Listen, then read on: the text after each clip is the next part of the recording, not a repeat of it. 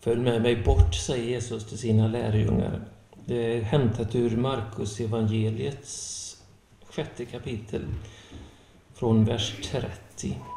Apostlarna samlades hos Jesus och berättade för honom om allt de hade gjort och vad de hade undervisat om. Han sa till dem, följ med mig bort till en öde trakt så att vi får vara ensamma och ni kan vila er lite. Det var så många som kom och gick att de inte ens fick tid att äta.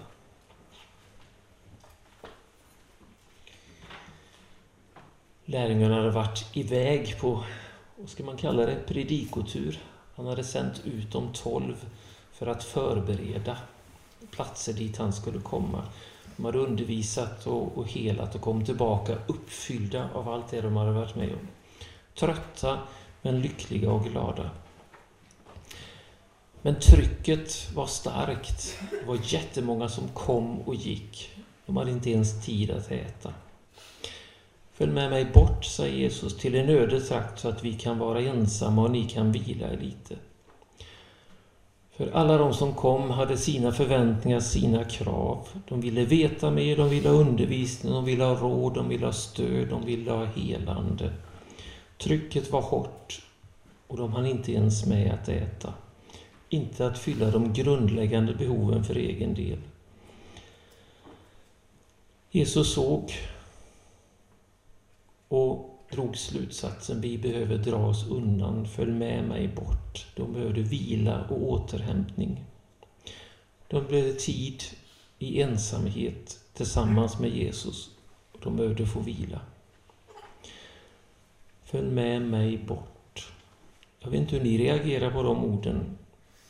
Men kanske är det vad vi har gjort de här dagarna.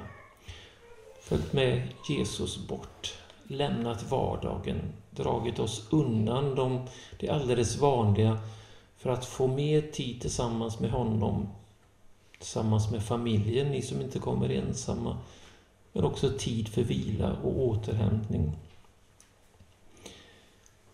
Vi kommer kanske inte alla från situationer där vi inte haft tid att äta, men visst kan det vara så ibland att människors krav och våra egna krav och allt det som snurrar runt omkring oss gör att mattiden blir kortare och kortare och det vill till att få det fixat snabbt så att man hinner med. Så att också det allra mest basala blir eh, krympt till ett minimum. Vi lever i en tid av ökande stress och det är klart att det påverkar oss också. Jag vet inte om ni kommer ihåg att inför millennieskiftet, som nu är åtta år avlägset, eller vad det nu är, så ordnade radions P4 en, en omröstning om vilket ord som bäst karaktäriserade det utgående 1900-talet. Någon av er som kommer ihåg vilket ord det var? Ja, fortare. Det som, det som var typiskt för hela 1900-talet var att allt skulle gå fortare och fortare och fortare och fortare. Jag hörde också en intervju med Ingvar Carlsson när han ganska nyss hade avgått som statsminister. Han tillfrågades på vad sätt politiken hade förändrats under hans aktiva tid som politiker. Han tänkte ett tag så sa han Ja, så när jag började så hade vi en ATP-fråga på tio år. Men nu har vi tio ATP-frågor på ett år. Alltså frågorna blir större, mer komplicerade och de kommer allt snabbare. Och det är klart att vi står inte utanför den här utvecklingen utan vi lever i en tid av stress och press.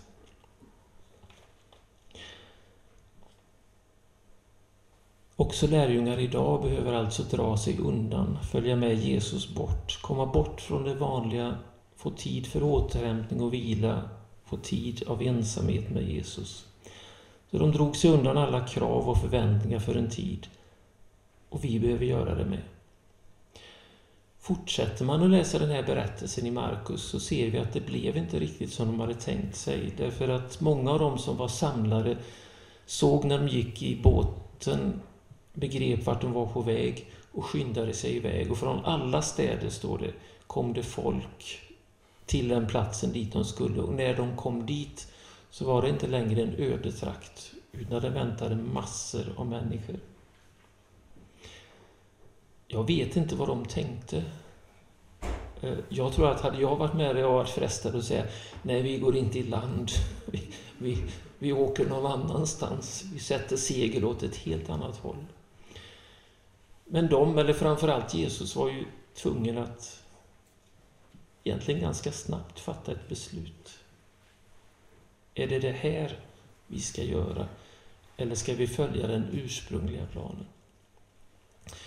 Det står att Jesus såg folkskaran och fick medlidande med dem, för de var som får utan herde. De var, de var vilsegångna. De behövde undervisning, hjälp och uppenbarligen så tog Jesus beslutet, ja, det ska vi göra. Han undervisade dem hela dagen och sen kom lärjungarna och ändå sa till honom, du, här är, här är mycket folk men det finns ingenstans man kan köpa mat. Trakten är egentligen öde. Du får skicka iväg dem nu så att eh, de kan köpa mat så de inte går under. Ge ni dem att äta, säger Jesus. Och, ja, ni kan berättelsen. Så småningom visade det sig då att en pojke hade två fiskar och fem bröd som de kommer med till Jesus och han ber över det, välsignar och så delar de ut och det räcker till alla. Och Det är ett fantastiskt under och vi kan känna igen oss att det lilla vi kan göra det kan bli välsignat av honom. Men jag tänkte det, det man också kan lära sig av den här berättelsen det är att det var inte så enkelt för dem heller. De begav sig till en ödetrakt för att få vila, för att vara ensamma med Jesus. Och så blev det inte så. För det var så oerhört många andra människor som också behövde. Och Jag tycker det är skönt att, att den berättelsen och också andra berättelser finns i Bibeln, för det låter så enkelt, följ med mig bort. Som om det bara är att liksom stänga butiken och så dra sig undan några dagar.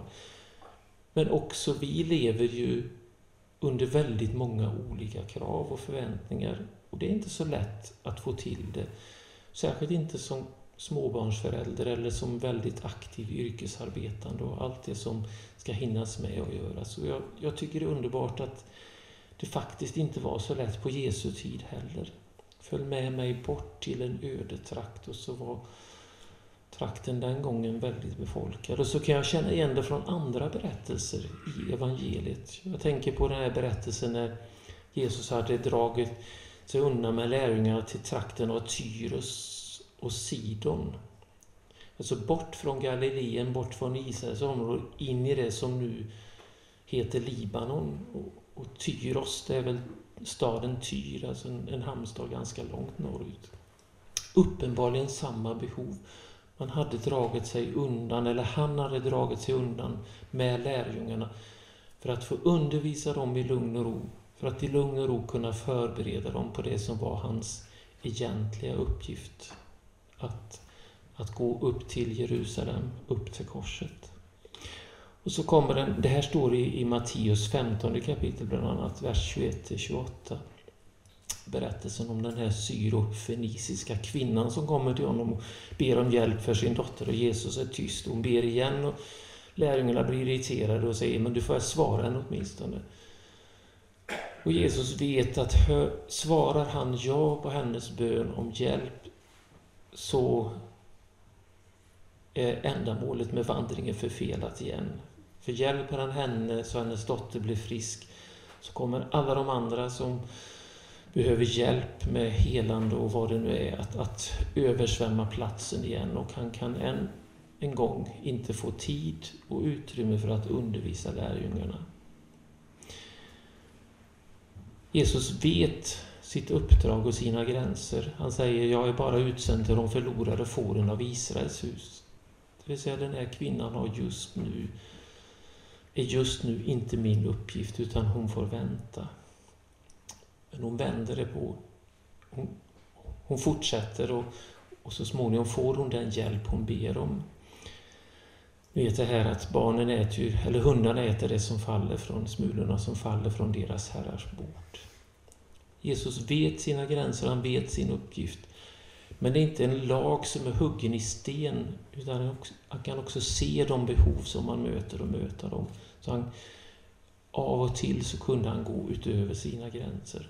Men vi vet också konsekvenserna nästa gång.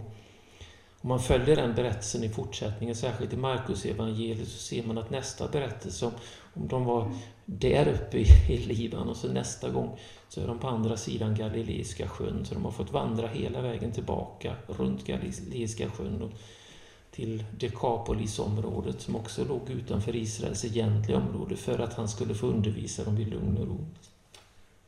Återigen, de ville få lugn och ro och tid, men de fick det inte för det var så många andra som behövde dem också. De fick anstränga sig, de fick kämpa för att få det. Det kommer inte av sig självt. Visst är det underbart med de här berättelserna? Jesus vet sitt uppdrag, han vet sina gränser. För några år sedan så kom det en bok som hette På rutinens brant som var en undersökning i Bollebygds pastorat, tror jag. Varje kapitel inleddes med ett citat. Ett citat i den boken som jag verkligen älskar är följande. Om Jesus hade haft som om Jesus hade sett som sitt uppdrag att hjälpa alla människor med alla deras problem så hade han snarare slitit ihjäl sig än dött på korset. Och det är ju så, ingen, inte ens Jesus, kunde lösa alla människors alla problem. Utan han var tvungen att följa, han ville och han var tvungen att följa det uppdrag som Gud hade gett honom. Jesus vet sitt uppdrag, han vet sina gränser. Av och till kunde han gå utöver dem för att hjälpa någon. Men i det ligger en befrielse vi behöver inte hjälpa alla människor med allt, utan vi behöver också reflektera över vad vill Gud med våra liv? Vad vill Gud med mitt liv? Vad är mitt eller vårt uppdrag? För det är lätt att tro att som kristen så ska man ställa upp för allt och alla. Man får aldrig vara trött. Man ska alltid säga ja. Men vi har rätt att göra som Jesus. Bli medvetna om vad som är Faderns vilja och uppdrag för oss och följa det. För när man säger ja till något så säger man därmed också nej till något annat. Vi får som Jesus och lärjungarna då arbeta för att finna en balans mellan arbete och vila. Vilken bok en gång, Can Christians Love Too Much? Där författarens tes är att ja, faktiskt kristna kan älska för mycket. Det finns så mycket i kristen tro som uppmuntrar oss att ställa upp för andra. Att vi ibland eller kanske ganska ofta, går utöver våra gränser och det som vi borde göra. Vi får också vara vaksamma på balansen, balansen mellan arbete och vila, att älska Gud över allting, sin nästa som sig själv och därmed inte se bort från sina egna äkta behov. Om vi inte ser upp så kan det bli så att man försöker älska för mycket så att man går utöver de sunda gränserna. Jesus hade ett uppdrag av Gud. Han lät sig ledas och styras av det. När han ställdes inför val, han måste välja, han väljer utifrån Faderns vilja och Faderns kärlek. Alla val är ju inte mellan gott och ont, utan många val är mellan det som är bra och det som är ännu bättre. Som Jesus inför den syrofenisiska kvinnan. Skulle han prioritera tiden med lärjungarna eller skulle han hjälpa henne med det som var hennes problem? Fadern har gett Jesus ett uppdrag. Han har gett också oss och en vilja också för oss. Han vill att vi ska ledas in i en trygg och djup gemenskap med honom. Det är hans mål med var och en av oss. Och sen har han många andra mål. Hälsa, frihet, glädje, tjänande. Men det växer ur den här gemenskapen med honom. Det jag tycker att jag ser i de här bibelberättelserna är det att Jesus och hans lärjungar egentligen hade samma kamp som vi har. Att kunna dra oss undan, att följa med Jesus bort, att få tid för vila, återhämtning, att få tid att fördjupa vår relation med honom. Jag tycker det är en tröst att se att det är så. Han ser, han vet vad vi behöver och han har kämpat vår kamp. Han vet att det kommer inte av sig själv, utan vi behöver mer medvetet söka den balansen. Vi behöver dra oss bort, följa med honom bort. inte från det vanliga livet utan på något sätt mitt i det vanliga livet hitta en inre vila, ett utrymme för gemenskap och fördjupning. Vi behöver lära oss att leva med ett yttre tryck, men med en inre vila. Och det är det som fortsättningen av den här kvällen kommer att handla om.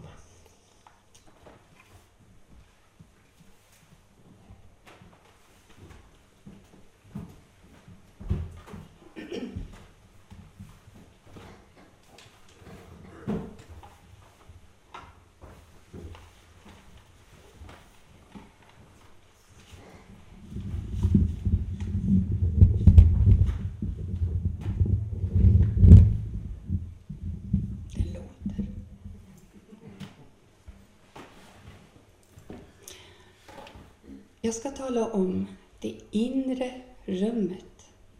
Men innan jag gör det så vill jag ge en kort beskrivning av min bakgrund.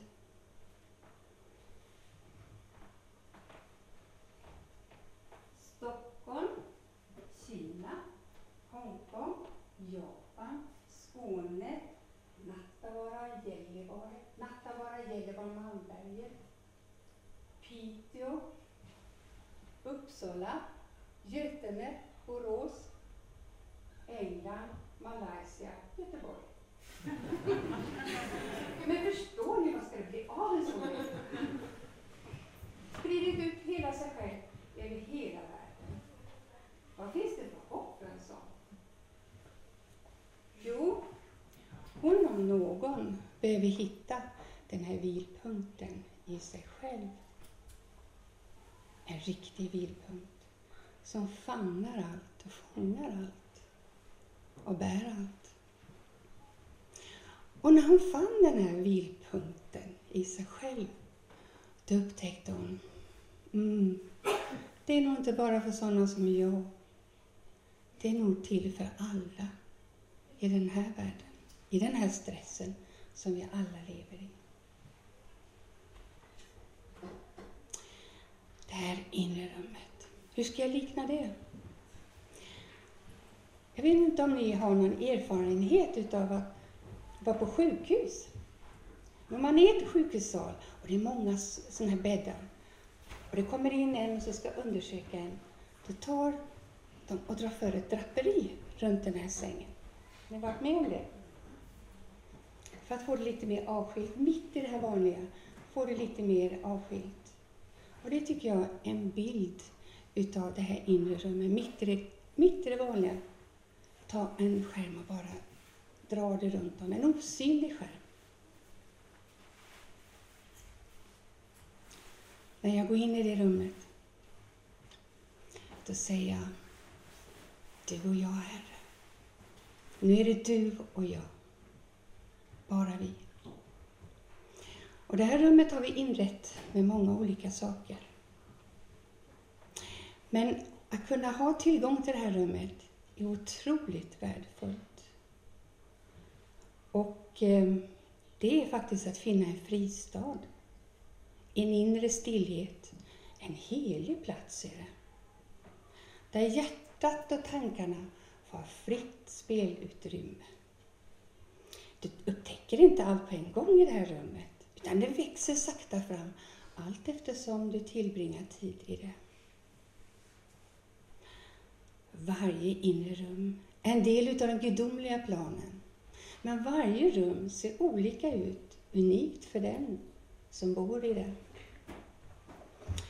Tystnaden är förutsättningarna för ett sådant inre rum. Och det här med tystnad, på engelska så finns det två ord för det. De har ett rikare, mer, eh, många ord för sitt språk där. Och det engelska ordet för tystnad är två. Loneliness, vilket betyder en känslomässig ensamhet, lite övergivenhet i det. Och solitude, då är jag själv och jag stänger av det runt om och nu är det bara jag. Och det är skönt. Det är en positiv ensamhet. Och just i det här inre rummet så är den här solitude-känslan som är så skön. Där man får verkligen krypa upp och vara med sig själv och fundera och dela det med Herren. Tystnad kan ju betyda olika saker ju. Det finns en tystnad som är besvärande, som är jobbig och som man vill fly ifrån. Och så finns det en tystnad som är verkligen uppmuntrande och skön och vila i.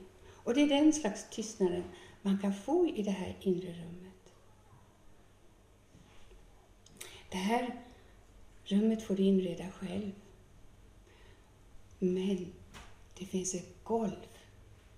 Och golvet, det heter din identitet. Den identitet som Gud gav dig. Att du är Guds avbild, att du är hans älskade barn. Det kollet får du gå på. Det har han gjort i ordning åt dig. Det är fundamentet i det hela. Det är den du kan vila på. För din identitet, den kan du inte göra någonting åt. Den är redan given till dig. Du kan inte lägga någonting till det. Du kan inte bli, även om du blir påve eller president, så hjälper inte det. Det förhöjer inte värdet utav din identitet. Ingen kan ta något bort ifrån det. Det är samma värde för var och en. Den grunden har Gud gett till oss all, allihopa. Och det gäller för oss allihop. Möblerna i det här rummet, de heter erfarenhet. Erfarenheter. Vet ni om man har gjort undersökningar över hela världen som gjort undersökningar. Vad är det människor behöver mest utav allt när det gäller tro? Och då har man kommit fram till vad människor söker. Det är inte en lära i första hand, att lära sig alla doktrinerna. Utan det är att se Gud verksam i sitt eget liv, i sin egen vardag. Gud är verksam här och nu. Och det kan du göra just genom erfarenheterna. Att få lära dig att se Gud i det som sker. Det du läser i Bibeln, vad Gud gör, det gör han idag också i ditt liv. Och detta får se det och dela sitt liv med Gud. Dela det med Herren. Det jag har varit med om, får gå igenom det med honom. Och han får hjälpa mig sortera vad som är vad. Och jag får se vad han har gjort i mitt liv. Vad jag har gjort själv också. Friden och lugnet ökar i takt med att du fått ljus över ditt inre. Tryggheten växer. Du vet vad som är vad. Du vet vad de olika sakerna står för. Du vet vad de har betytt i ditt liv. Du vet vad du vill med dem. Och det ger dig en frid när du ser vad Gud har gjort i ditt inre. Det blir lättare att kliva ut och in i det här inre rummet. När du kör en bil, när du sitter på bussen, när du kommer till arbetet. När jag skulle börja arbeta på stiftet så var det en som sa Ska du arbeta på det stället då behöver du någonting uppmuntrande. Jag fick den här. Och vet ni var jag satte den? Jag satte den så att jag inte skulle kunna sätta på datorn utan att prata med Jesus. Han stod nämligen, den där knappen man tryckte på var här bakom. Jag kunde inte komma undan. Att få börja dagen på det här sättet och få prata med Herren. Det här förtroliga samtalet. Och jag har lärt mig att under dagens lopp att få ha sådana där tecken som hjälper mig påminna varför jag är här, vad jag gör där, vad jag ska göra och vad målet med mitt liv är. Tecken som hjälper mig att hålla den här nära relationen med Jesus. En av de här sakerna som har hjälpt mig jättemycket att fånga in tystnaden och göra den bekväm och bebodd det har varit de här retriterna som jag har varit med på. Hur många av er har varit med på retriter? Ah, det är ganska många. Ja, men då vet ni ju. Ni vet allt vad som kan hända under en retreat. Och det som också vi har arbetat mycket med, det är de här ignatianska eh, övningarna, kallar vi det för, på retriterna. Och Ignatius var ju en eh, katolik. Och vet ni, det är det jag tycker är så underbart, det som händer nu. Att vi inte längre håller på att säga, ja men det kan vi ju inte befatta oss med, det är ju katolskt, eller det är ju evangelikal, eller vad det nu är för någonting. Utan alla skatter som vi har i kyrkan är tillgängligt för allihop. Pröva och behåll det som är bra. Och det Ignatius som föddes 1491 har fått hans sätt att läsa Bibeln, hans andliga övningar har fått en enorm intensitet de här åren sedan retreatrörelsen började. Och det är många som har fått se att det som han arbetade fram med hans andliga övningar, hur verksamma de är idag. För det handlar väldigt mycket om att se hur Gud är verksam idag. Hur han lever idag. Och basen för de här övningarna, det är ju bibelmeditationerna där man hämtar texterna framförallt ifrån evangelierna. Och där man går in i texterna med hela sig själv, hela sin kropp, med alla sinnena och lever sig in i det som hände. Och då ser man att det som man upplevde då, den uppståndne Herren, också blir den närvarande Herren, också i mitt liv, i min vardag, i min eget Eh, vardagsliv. Och det är otroligt att få se den här kopplingen. Och det Ignatius arbetade mycket på, det var ju att sätta fokus på Jesus.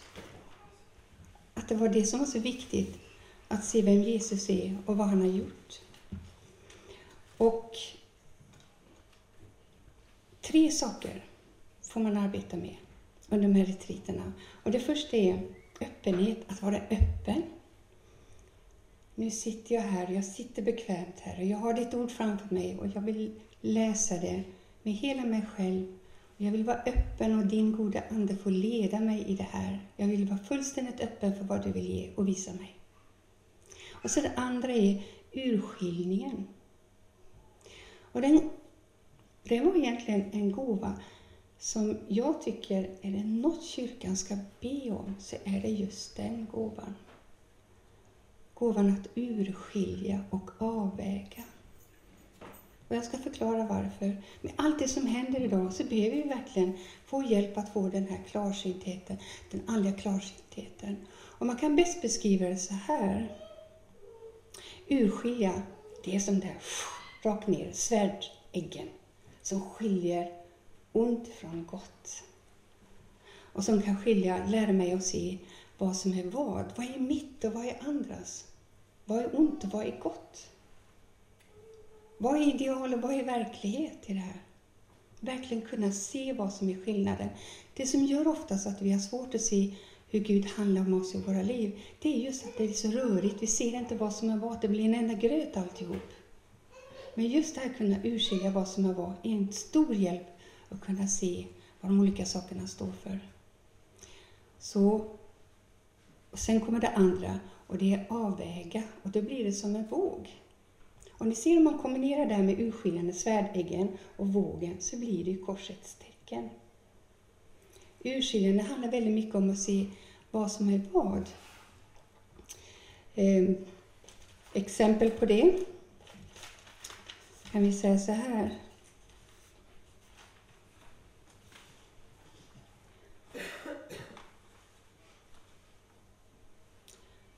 Vad är bön och handling? Vad är krav och barmhärtighet? Vad är form och frihet? Gränser och öppenhet? Enhet och mångfald? Alla de här avvägningarna som man får i sitt liv. Att få arbeta med det här är en otrolig hjälp att se vad är det som har påverkat mig? Vad är det Gud har gjort i mitt liv? Hur är han verksam idag? Vad är det jag har sagt ja till i mitt liv och vad är det jag har sagt nej till? Och sen det sista, gensvaret. Vad vill jag ge för gensvar till Gud? När jag sett allt det här, när jag fått vara med om allt det här, vad är mitt gensvar till dig Gud? Vad vill jag säga till dig Gud, när jag ser vad du har gjort i mitt liv?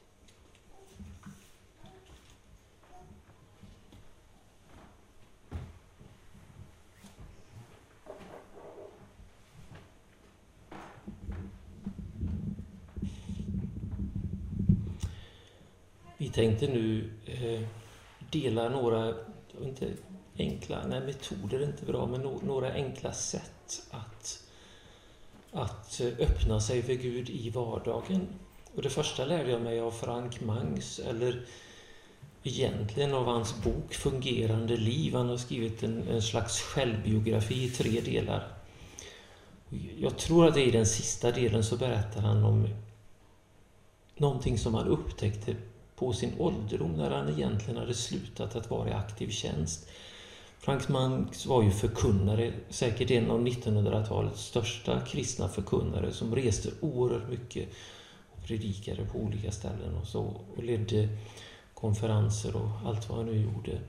Oerhört aktiv, väldigt stark förkunnare och, och, och skribent. Han skriver här att nu på sin ålderdom så har han upptäckt ett nytt sätt att be som har varit till enorm nytta för honom. Han säger, jag, jag sätter mig bara i en stol eller fåtölj och så ber jag Kom helige Ande. Och så är jag alldeles tyst och jag gör ingenting.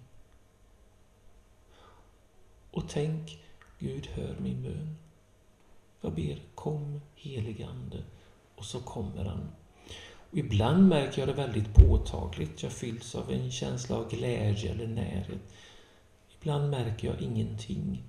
Men över tid så märker jag att det ger mig en, en slags inre balans och en inre styrka. Tänk om jag hade vetat det alla de åren då jag kämpade med att förkunna, resa, möta människor.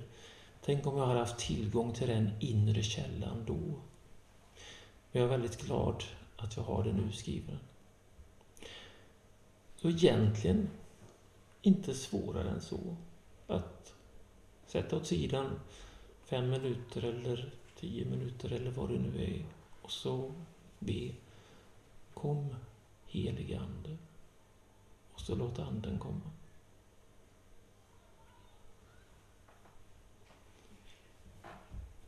Nästa också. Jag tar nästa med. Okej, då tar jag nästa med.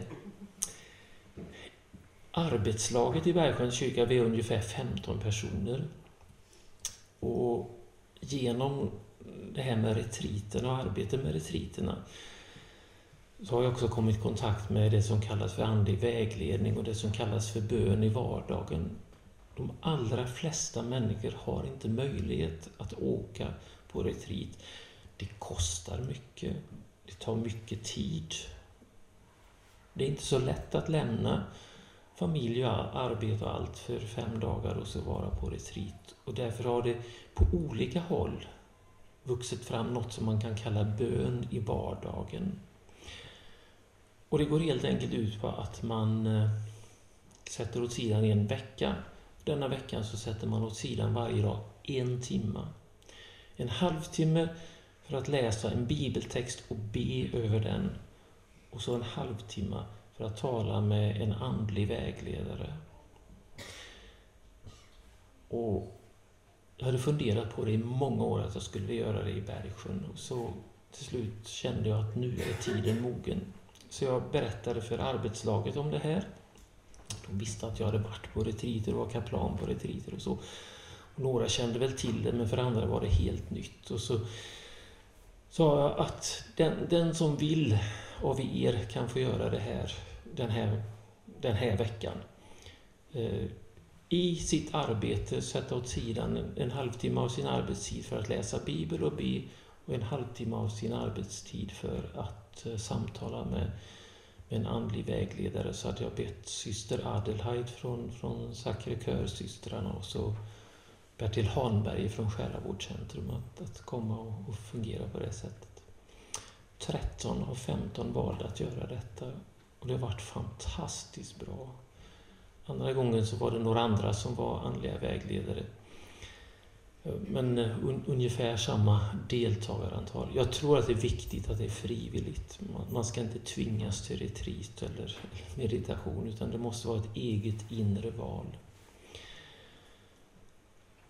Jag tror att det är viktigt för alla människor, men inte minst för oss som jobbar i kyrkan. Vi behöver inte alltid mer predikningar, mer undervisningar, längre föredrag.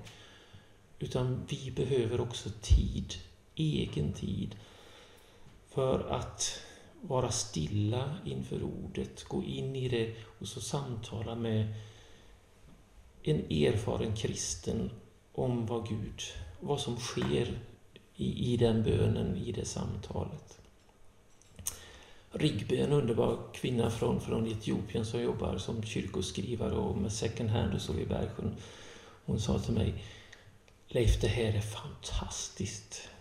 Eh, det är aldrig så lugnt i Bergsjön som, som de veckorna när vi gör det.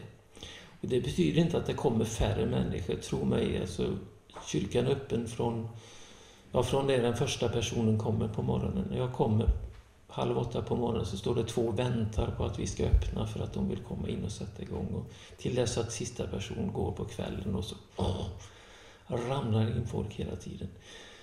Men Ribbe sa, det, det, är ändå sån, det är ändå sån stillhet över oss alla. Det är verkligen välsignat. Och, och några av dem som har gjort det har skrivit om det i den, berättat om det i den här tidningen Polanco som ges ut av föreningen Kompass som jobbar med ignatianska retriter, men vi behöver inte dra hela den. Så skulle du berätta lite Ingela? Den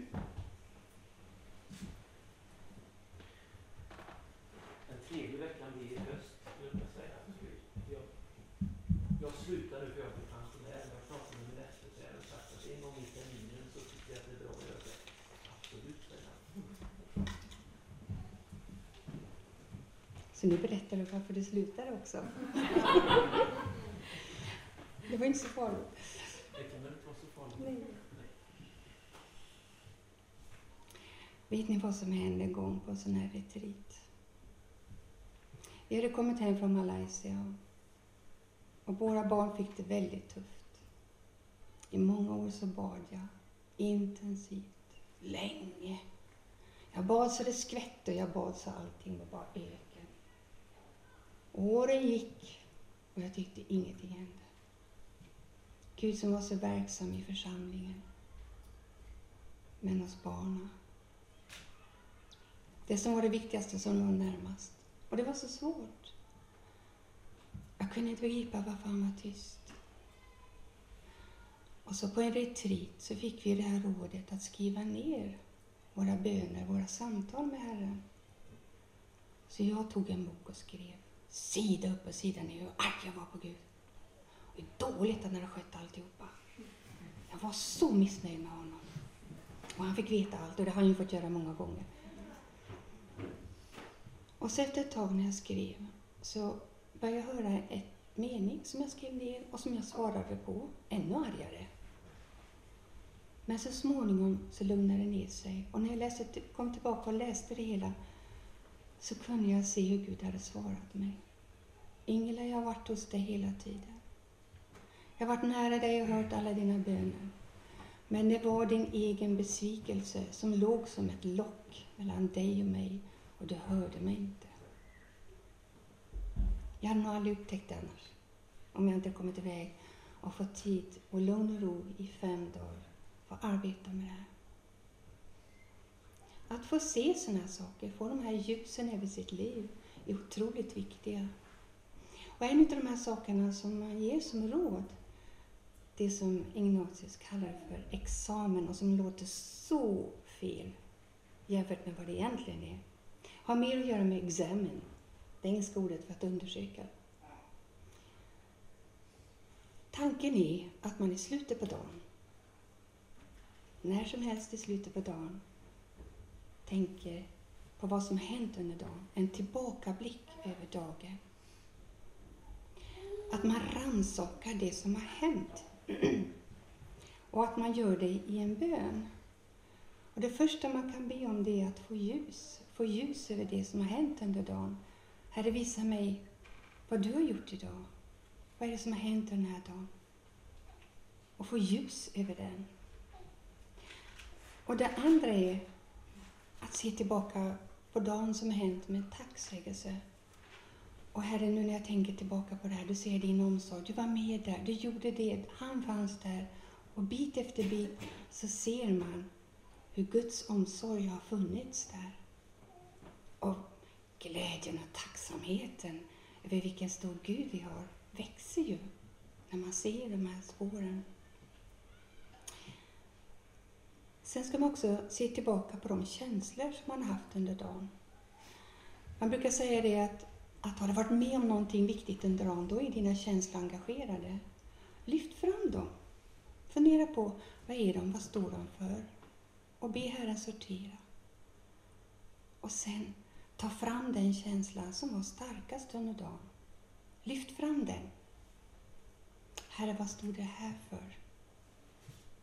Var det tröst? Var det misströstan? Vad stod de här olika sakerna för? Och så låter man den känslan flöda fritt och samtala med Herren om den och lämna sen över den till Herren. Det sista det är att se fram emot morgondagen. Man kan ta fram sin almanacka om man vill, med alla möten och alltihopa sånt. Och tacka Herren för detta och be om hans välsignelse och vägledning i detta. Vänd alla hjälp, som du säger när du läser din almanacka, till vi som är din väg. Ge mig vägledning. Ge mig helande. Och sen tacka Gud. Tacka Gud för vad han gör.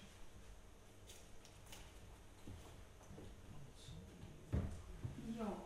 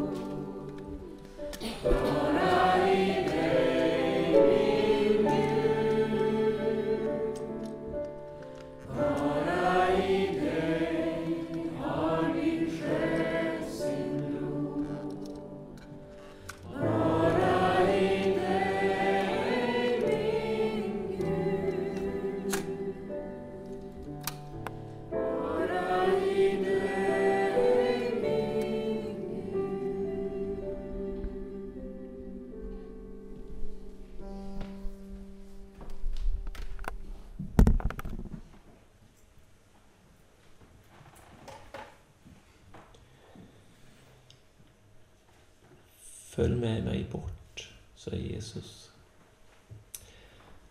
jag har sett att det var inte så enkelt för honom och hans lärjungar heller. De, de delar vår kamp att ta sig den tiden. Så har vi försökt peka på några olika, egentligen ganska enkla saker som, som gör det möjligt för oss att mitt i allt det vi har runt omkring oss ändå hitta vägen till det inre rummet. Frank Mangs bön. Kom helige Ande. Och så en stund av tystnad. Eller vid dagens slut en, en examen, en, en genomgång eller tillbakablick på dagen där jag ser hur det har varit, tackar Gud för det som var gott, känner med hela mitt jag, inte bara med huvudet utan också vad är det som har gjort mig glad? Vad är det som har gjort mig besviken? Vad var den starkaste känslan idag? Och så också överlåta morgondagen. Sen tror jag också att, att även om man inte jobbar i arbetslaget i Bergsjön så kan det vara bra att den veckan vill jag sätta åt, åt sidan en timme. En halvtimme att läsa Bibeln, be och en halvtimme att kanske prata med någon som jag har förtroende för. Med bön i vardagen har börjat sprida sig i vissa församlingar också, men det behöver inte vara så märkvärdigt. Det kan vara en vän eller församlingspräst eller någon, någon man har förtroende för. Och så göra det på, på regelbunden basis. Eller för den som har möjlighet att, att åka på retreat. Ni ska få ett papper nu allesammans med en enkel beskrivning om hur man kan läsa Bibel och be och leva sig in i en bibeltext där det inte handlar bara om att förstå den med sin tanke och sitt intellekt utan också leva sig in i den med hela sitt jag, med känsla och vilja och, och föra ett, ett, ett samtal med honom i det inre rummet. Ja, tack. Ta en och så skicka vidare. Så ska jag... Eh, kan inte du ta en till mig, Mikael? Ska jag gå?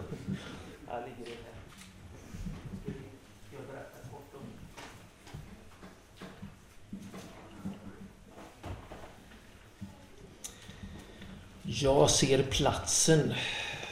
Ja, vet, det är inte jag som har gjort det här utan jag har fått det av Susanne Karlsson som har jobbat mycket med retriter.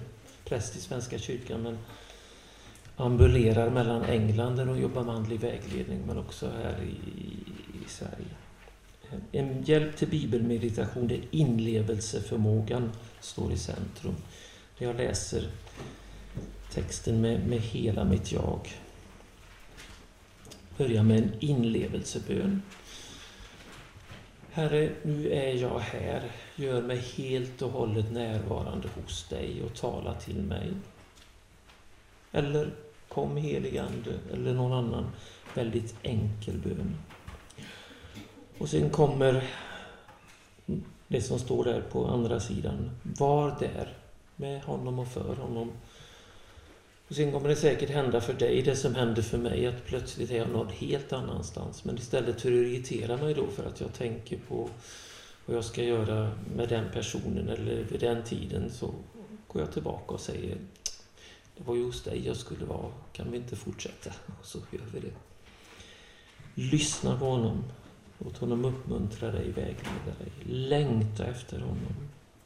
Bär fram din längtan. Och helt underbart den här andra böneveckan som vi hade i Bergsjön. Ehm, då blev det väldigt tydligt för mig att jag hade två slags djupa längtan i mitt liv. Jag längtade efter mer tid med Jesus. Det är väl underbart. Jag, jag var inte så överraskad, men jag blev väldigt glad ändå. Det ska bli väldigt skönt att, att få den tiden nu. Och så längtar jag också efter mer tid med, med familj och barn och barnbarn. Att, att inte alltid vara upptagen av församling och alla andra utan också kunna ägna mig verkligen åt dem som är väldigt nära mig. Bär fram din längtan efter honom men också efter andra saker om du vill. Låt honom vara för dig det han vill. Vän, räddare. Svara honom från ditt hjärta. Hur? Jag tror att det kan ni läsa själva, det behöver jag inte läsa. Och sen efteråt, när man har läst texten, levt sig in i den, samtalat med honom och avslutat med en bön, så kan man fundera på vad hände? Vad gjorde mig glad? Vad gjorde mig upprymd? Vad gjorde mig nedstämd? Så över tid och se vad det är för känslor som finns i mig och, och vad de betyder för mig. Låter det okej? Okay? Den som vill skulle kunna få börja redan ikväll eller någon av de här dagarna. Jag tänker ge er en bibeltext som ni kan få meditera över. Matteus evangelium 14, vers eh, 22 till 33. Matteus 14, 22 till 33. Mitt förslag är att ni, när ni nu har antecknat detta, blundar, struntar i dem ni har runt omkring er, så ska jag läsa den två gånger och så sjunger vi en inlevelsebön. Och så kan man sitta kvar här i kyrkan eller gå någon annanstans eller gå och göra det man ska och, och se om man kan få någon liten tidssnutt någon annan gång. För det handlar inte alltid om att sitta stilla på en och samma plats, utan som Ingela sa, på bussen, innan man sätter på datorn, när man kör bil. Vi har en massa småstunder och man kan träna sig till att använda dem till att också till sådana här saker. Men nu läser jag den ganska långsamt och jag läser den två gånger. Sedan befallde han sina lärjungar att stiga i båten och fara iväg till andra sidan sjön medan han skickade hem folket. Så snart han hade gjort det gick han upp på berget för att vara där för sig själv och be. Där var han ensam när det blev kväll. Båten var då redan långt från land och kämpade mot vågorna eftersom det var motvind. Strax före gryningen kom han till dem gående på sjön. När lärjungarna fick se honom gå på sjön blev de förskräckta och trodde att det var en vålnad och de skrek av rädsla. Men genast talade Jesus till dem och sa Lugn det är jag, var inte rädda. Petrus svarade Herre, om det är du så säg åt mig att komma till dig på vattnet. Han sa Kom. Och Petrus steg ur båten och gick på vattnet fram till Jesus. Men när han såg hur det blåste blev han rädd. Han började sjunka och ropade Herre, hjälp mig. Jesus sträckte genast ut handen och grep tag i honom. Du tros svage, sa han. Varför tvivlade du? De steg i båten och vinden la sig. Och det som var i båten föll ner för honom och sa Du måste vara Guds son.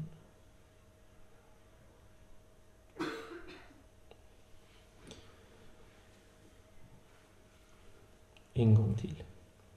Sedan befallde han sina lärjungar att stiga i båten och fara i förväg till andra sidan sjön medan han skickade hem folket. Så snart han hade gjort det gick han upp på berget för att vara för sig själv och be.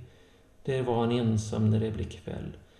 Båten var då redan långt från land och kämpade mot vågorna eftersom det var motvind.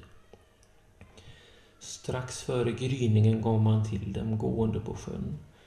När lärjungarna fick se honom gå på sjön blev de förskräckta och trodde att det var en vålnad och de skrek av rädsla. Men genast talade Jesus till dem och sa Lugn, det är jag, var inte rädda.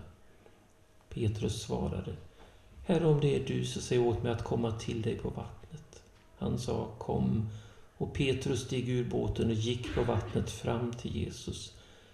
Men när han såg hur det blåste blev han rädd. Han började sjunka och ropade Herre, hjälp mig. Jesus sträckte genast ut handen och grep tag i honom.